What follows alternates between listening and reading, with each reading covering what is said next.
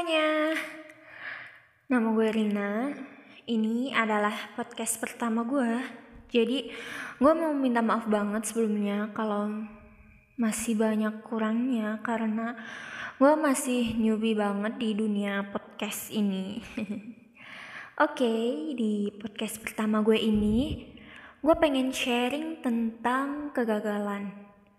Kegagalan yang mau gue bahas di sini adalah kegagalan yang mungkin masih hangat-hangatnya nih bagi para remaja yang lulus SMA ataupun yang ya yang kemarin udah gapir tapi tahun ini terulang lagi. Ya, yang bakal gue bahas di sini adalah kegagalan masuk PTN atau sekolah dinas ataupun sekolah dinas. Mungkin bagi sebagian orang kegagalan kayak gini tuh gak ada apa-apanya gitu dibandingkan kegagalan-kegagalan lain yang lebih berat. Tapi bagi kami yang masih anak remaja yang mungkin sebelumnya gak pernah gitu ngerasain kayak gini, ya pasti merasa sedih dan kecewa banget dong ngerasain penolakan, ngerasain kegagalan, dan mungkin bisa juga uh, hal kayak gini tuh menyebabkan beberapa orang yang benar-benar dia berharap banyak banget dan akhirnya gagal itu mereka bisa loh jadi depresi. Emang kelihatannya sepele sih buat orang lain tapi buat yang ngerasain itu ya ya sakit juga gitu. Jadi semenjak pengumuman SBMPTN kemarin banyak banget di timeline Twitter gue di question SFM gue banyak yang curhat kalau mereka merasa nggak berguna merasa kecewa sama diri sendiri marah menyalahkan diri sendiri. Dan banyak di antara mereka yang merasa bahwa selama hidupnya tuh selalu membebani orang tua gitu. Merasa selalu mengecewakan orang tua. Ya bahkan kemarin ada yang gini kenapa ya selama gue 18 tahun hidup gue cuman bisa ngebebanin orang tua doang. Cuma bisa nyusahin cuma bisa ngecewain. Gue tuh jadi anak useless banget sih. Kok gue nggak bisa ngebanggain ngebuat bangga orang tua gue? Gitu.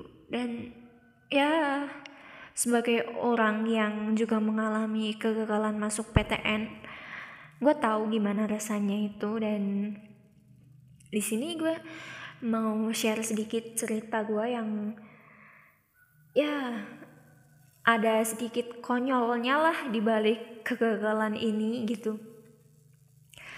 Um, kita mulai dulu dari gue SMA ya. Waktu gue SMA itu gue ikut SNMPTN dan gue daftar di salah satu universitas di Bandung. Gue excited banget ikut SNMPTN dan sangat berharap untuk diterima di universitas tersebut. Di sela-sela nunggu pengumuman SNMPTN, dibukalah tuh pendaftaran UTBK gelombang pertama. Karena gue terlalu berharap sih sama SNMPTN itu.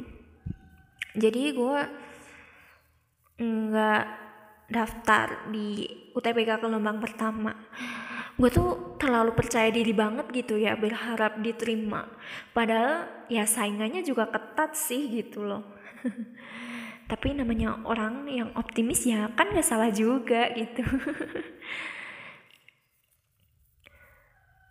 Terus setelah sekian lama nunggu kan sekitar satu bulan lebih akhirnya tibalah hari di mana hasil SNMPTN diumumin. Hari itu tepat banget satu hari sebelum gue ulang tahun. Rasanya pasti deg-degan banget. Waktu mau buka aja gue kayak nanti dulu ah nanti dulu belum siap gitu. Dan setelah banyak temen-temen gue yang buka, akhirnya gue juga ikutan buka. Ya buat apa gitu kan ditunda-tunda dan apa hasilnya? Yang gue impikan selama ini hasilnya nihil. Ya, gue gagal masuk universitas tersebut. Kecewa? Pasti. Nangis? Ya gak perlu ditanya lagi lah. Namanya juga baru pertama, pasti ya kecewa. Apalagi itu hari sehari sebelum gue ulang tahun. Dan mungkin itu jadi kado terburuk selama 18 tahun gue hidup kali ya. Setelah drama nangis, akhirnya gue pulih lagi karena orang tua gue nguatin gue dan support gue buat nggak kecewa atas apa yang terjadi setelah itu dibukalah UTBK gelombang kedua. Gue emang rada males gitu sih buat ikut UTBK. Bahkan gue daftar UTBK itu udah mepet banget gitu, udah mepet ditutup gitu. Seingat gue, pokoknya waktu UN gue baru daftar dan alhasil dapat gelombang terakhir. Sambil nunggu UTBK, pendaftaran sekolah kedinasan kan juga dibuka tuh gue excited banget buat masuk sekolah kedinasan ya siapa sih gitu yang nggak excited buat masuk sekolah kedinasan secara sekolahnya gratis. Setelah lulus langsung dapat pekerjaan. Nggak perlu lamar sana sini nggak perlu ada drama penolakan karena belum apa belum ada pengalaman gitulah ya. Gue excited banget dan saking semangatnya gue sampai bikin sistem kayak homeschooling gitu di rumah. Di mana gue mulai belajar itu jam 7 pagi dan berakhir jam 2 siang. Itu istirahatnya cuma jam 9 sampai jam 10 terus jam 12 sampai setengah satu. Dan malamnya masih dilanjutin lagi dari jam 7 sampai jam 9 gue emang apa ya kayak nekan banget diri gue. Ayo lo harus belajar semangat gitu. Lo harus semangat belajarnya. Lo harus bisa masuk sini. Lo pasti bisa gitu. Dan ya ya begitulah. Gue belajar keras biar bisa masuk sekolah kedinasan itu. Dan gue juga gak lupa tiap malam berdoa supaya Tuhan memudahkan jalan gue buat masuk sekolah kedinasan itu waktu terus berjalan dan tibalah hari di mana gue UTBK dan gue sampai hamin satu UTBK tuh bener-bener gak belajar serius tentang materi UTBK gitu. Gue selalu belajarnya materi-materi tentang sekolah kedinasan. Sempet sih malamnya sebelum ujian sebelum UTBK itu gue buka soal tentang ya soal-soal UTBK gitulah. Tapi gue baru lihat soalnya aja udah eh soal apaan nih begini? Gitu. Ya, dan akhirnya gue memutuskan untuk mengandalkan apa yang gue pelajari di materi masuk kedinasan sama mengandalkan kemampuan gue di waktu SMA. Dan waktu TBK itu gue rada pasrah gitu sih. Kalau misal nanti hasilnya jelek. Dan apa ya ketika UTBK itu alhamdulillahnya soal-soal yang gue pelajarin di uh, materi masuk sekolah kedinasan itu keluar gitu di UTBK dan pelajaran di waktu SMA juga banyak yang keluar meskipun ada beberapa yang gue nggak ngerti sama sekali. Tapi ya alhamdulillah sangat membantu lah ya. Dan ketika hasil UTBK gue keluar sungguh di luar ekspektasi dan perkiraan gue selama ini tuh salah gitu. Hasil UTBK gue cukup tinggi. Dan beberapa mapel yang di situ waktu gue ngerjain bener-bener enggak mikir sama sekali. Hanya memodal hanya bermodalkan klik-klik doang. Itu tuh dapat nilai yang tinggi-tinggi gitu padahal kalau di sekolah gue nggak pernah dapet nilai bagus kayak gitu.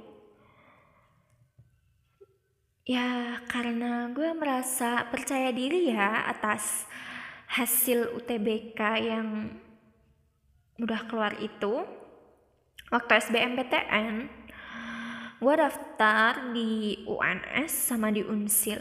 Gue mikirnya gue ambil UNS karena mikirnya di UNS tuh mungkin saingannya nggak terlalu ketat gitu. Nggak ketat banget kayak di unpad undip atau ya di mana gitulah ya yang ketat-ketat gitu. Setelah gue daftar di UNS lagi-lagi gue salah. Ternyata UNS menduduki peringkat kedua peminat terbanyak SBMPTN ya jadi gimana ya? Ya harap-harap cemas gitulah ya. Sambil nunggu SBM gue ikut ujian sekolah kedinasan. Beda dengan UTBK di SM di SPMB ini gue belajarnya maksimal banget. Gue berharap tinggi buat keterima. Ya karena selama simulasi try out dan lain-lain gue berhasil dapat nilai tinggi. Tapi sehari sebelum gue ujian itu gue sempet agak down sih. Dengar teman-teman gue yang udah ujian duluan cerita kalau TKP-nya itu mematikan. Jawabannya mirip-mirip dan banyak di antara mereka yang gagal karena di TKP TKP itu tes kepribadian, karakteristik kepribadian.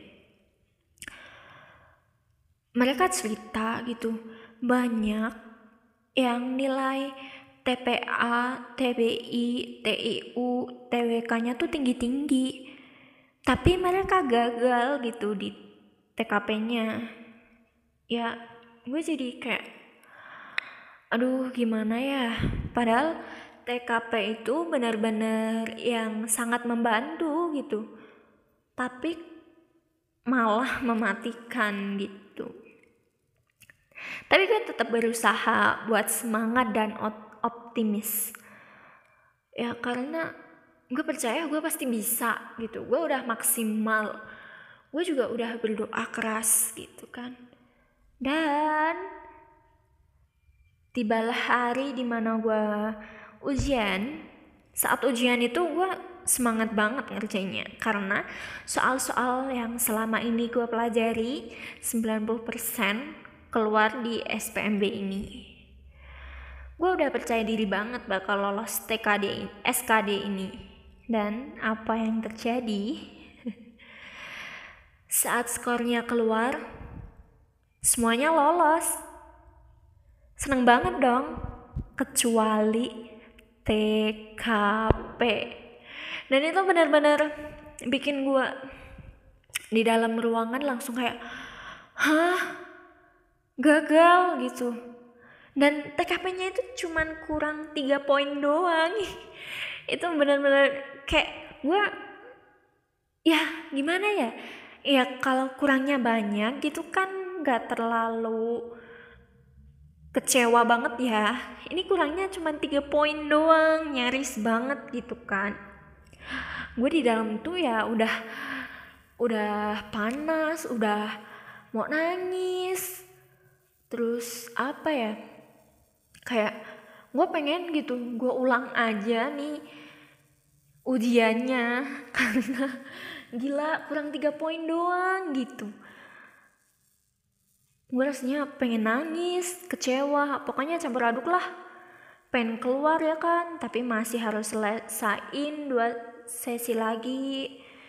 Ya udah akhirnya gue ngerjain TPA TBI nya ngasal. Dan yang terjadi adalah skor gue TPA TBI itu tinggi gitu dan wow gitu loh. Maksudnya kayak gila nih boleh gak sih gue sumbangin aja nilai-nilai beberapa nilai yang tinggi ini buat nutupin si TKP-nya gitu? Sebel banget gue gara-gara kurang tiga poin doang jadi gagal. Tapi ya mau gimana lagi ya kan mungkin memang jalannya seperti itu. Gagal SPMB kali ini benar-benar bikin gue down banget gue nangis setiap kali cerita tentang ini. Waktu gue keluar ruangan tuh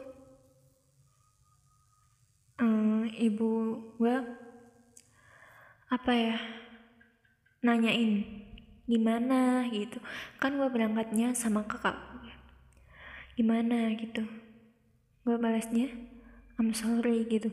Di situ gue benar-benar yang udah nggak tahan banget pengen nangis pengen tumpah segalanya dan akhirnya benar-benar tumpah gitu. Oke okay lah di situ gue masih kuat masih apa. Tapi sesampainya di rumah ya kembali lagi gue nangis lagi kalau ditanya tentang kayak gitu gitu tapi ya ya udahlah. Kurang lebih tiga harian gue baru bisa bangkit sih dari ini. Beberapa hari setelah SPMB hasil SBMPTN pun diumumkan. Gue udah nerima sih kalau misalkan gagal lagi. Karena ya memang apa ya gue tuh nggak nggak terlalu niat gitu kan. Dan bener aja nih gue gagal lagi. Dan waktu tahu gue gagal di SM di SBMPTN ini gue masih cengengesan. Dan nggak ngerasa sedih sama sekali gitu. Ya ada sih rasa kayak kaget gitu. Tapi nggak sampai nangis gitu sih setelah pengumuman itu gue langsung tuh searching tentang PTN yang masih buka dan nemulah politeknik di daerah Jakarta yang membuka jalur ujian online. Gue bener-bener mepet banget daftarnya. Gue daftar tanggal 7 dan ujian tanggal 12 wah gila di waktu semepet itu dan gue tuh nggak tahu sama sekali materi apa yang diujikan. Karena itu politekniknya bukan yang kayak gue ngambil kayak apa ya teknik kimia atau teknik apa itu kan masih anak IPA banget ya. Jadi gue masih agak ngerti. Tapi ini tuh kayak apa ya teknik apa sih teknik perniagaan atau apa gitu kan. Dan gue nggak tahu dong materi apa yang bakal keluar di ujian itu. Gue nggak tahu sama sekali ujian materi ujiannya dan gue bingung gitu mau belajar apaan di waktu yang super mepet ini. Dan akhirnya gue cuman belajar apa ya kayak materi-materi umum terus ya kayak logika numerik gitu kan sama bahasa Inggris.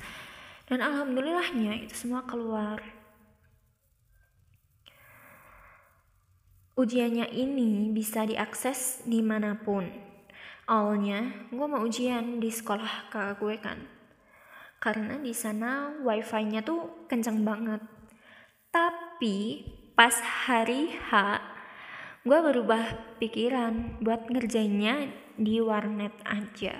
Sebenarnya bisa sih di rumah, tapi kan takutnya koneksinya nggak stabil gitu ya. Ya udah di warnet karena sekalian mau beli kado gitu, mau pergi beli kado kondisi warnetnya saat itu sepi dan koneksinya lancar banget ya emang itu uh, warnetnya tuh cozy banget dan ya emang koneksinya tuh lancar banget gitu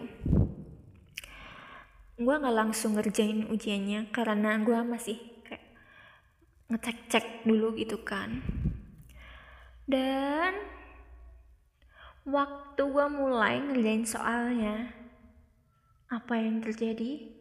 Tiba-tiba koneksinya trouble dan nggak bisa digunain sama sekali. Wah di situ gue bener-bener kayak gila ini gue ujian begini ya ampun nanti kalau nggak bisa login lagi kan berarti gue auto gagal gitu. Oke, okay di sesi pertama trouble hampir satu jam gue cuma bisa selesaiin 20 soal dari 30 soal karena trouble itu dan karena trouble itu tadi waktunya habis begitu saja. Setelah sesi satu diwarnai dengan drama koneksi yang trouble hingga satu jam. Ya setelah itu pulih lagi sih koneksinya. Tapi gue nggak langsung ngerjain sesi 2 gue pakai dulu buat search sesuatu untuk memastikan udah pulih beneran atau belum nih gitu setelah fix oke okay, baru gue masuk ke sesi kedua dan kacaunya baru 5 menit gue ngerjain koneksinya trouble lagi gila sih di situ gue rasanya pengen nangis jadi jadinya dan ya ampun. Waktunya habis lagi gara-gara koneksi yang trouble. Konyol banget gak sih ini? Ya, ya begitulah. Gue itu berhasil nyelesain berapa soal ya? Pokoknya masih dikit sih. Dan oke, okay, gue masih berusaha untuk tenang karena masih ada sesi 3 yang mungkin bisa jadi penyelamat gue. Gue coba cek lagi, benar gak nih koneksinya udah stabil. Setelah cek-cek, oke okay lah udah stabil. Lanjut gua kerjain sesi 3. Dan ya udah bisa ditebak lagi lah apa yang terjadi di sesi 3. Again and again, koneksinya trouble lagi. Wah gila banget nih. Padahal di sesi 3 ini gue baru ngerjain 6 soal dan trouble-nya tuh sampai waktunya habis juga setelah itu langsung keluar skornya kan dan gue dinyatakan nggak lulus karena poin gue kurang 10 poin. Jadi ambang lolosnya itu 90 dan gue cuma dapat 80 Sumpah ini adalah gagal ujian yang paling konyol buat gue dan ini tuh paling nyebelin gitu. Gara-gara koneksi internet jadi begini gitu gue mungkin saat itu benar-benar udah nggak ada malunya lagi buat nangis di situ. Tapi bukan nangis yang kenceng sampai gulung-gulung gitu sih. Ya cuma ada air mancur tanpa suara aja di mata. Oke, okay, ini empat kalinya gue gagal setelah SNMPTN, SPMB, SBM dan akhirnya Poltek ini. Saat keempat kali itulah rasa kecewa gue memuncak. Gue benci sama diri sendiri, kecewa, marah, hopeless, ngerasa nggak guna, ngerasa nggak punya masa depan, dan yang pasti ngerasa bersalah banget sama orang tua. Dan semenjak itu gue jadi ngerasa makin jauh dari Tuhan dan gue susah banget untuk bangkit. Oke, waktu terus berlalu. Selama gue ngedown, orang tua, sahabat, kakak selalu support gue untuk bangkit dan ya akhirnya gue bangkit lagi. Meskipun kadang masih dihantui rasa bersalah ke orang tua. Ya mau gimana lagi gitu. Kata-kata orang tua gue yang paling ngena saat itu adalah orang tua gue nggak peduli. Gue mau masuk lewat lewat jalur SNM, SBM ataupun UM nggak peduli mau masuk PTN, PTS ataupun PTK yang penting gue tuh dapet pendidikan yang terbaik. Karena gak ada ilmu yang gak bermanfaat. Dan yang paling ngena banget buat gue tuh uh, orang tua gue orang tua gue bilang kamu gak usah ngerasa bersalah kami tahu kok gimana usaha dan perjuanganmu selama ini, percayalah Tuhan akan memberikan jalan yang terbaik bagi kamu. Kalau ini gagal berarti ya jalan ini bukan jalan yang baik buat kamu gitu.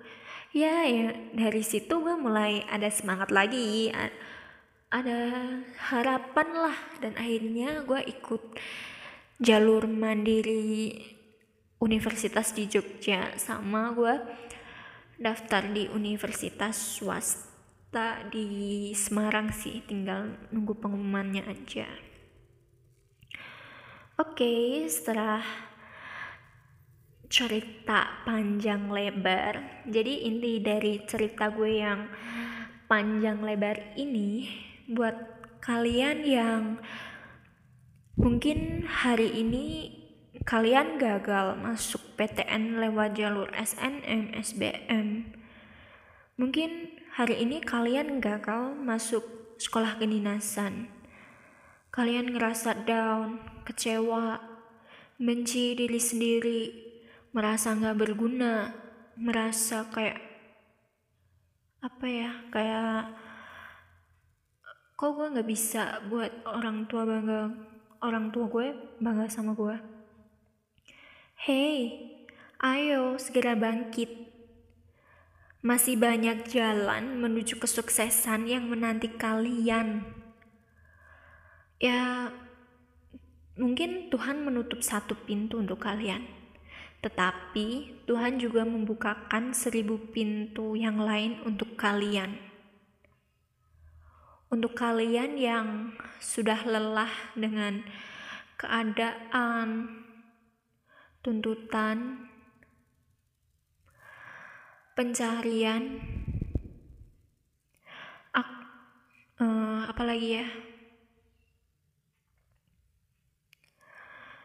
dengan segala kegagalan, gue cuma mau bilang terima kasih kalian sudah berjuang sampai saat ini. Rasa gagal dan kecewa itu yang tahu hanya kamu. Dan segala usaha, segala doa itu yang tahu hanyalah kamu dan Tuhan. Dan yang harus kalian tahu, orang tua kalian bangga punya kalian. Jadi kalian jangan pernah ngerasa kalau kalian cuman ngebebanin orang tua aja kalian gak bisa bikin orang tua kalian bangga sama kalian karena setiap anak itu adalah kebanggaan bagi orang tuanya oke sekian dulu dari aku buat kalian tetap semangat ya jangan hopeless terus ayo segera bangkit dan mungkin Sekian dulu episode podcast pertama ini. Nanti bakalan ada podcast-podcast yang lain dengan cerita yang berbeda. See you.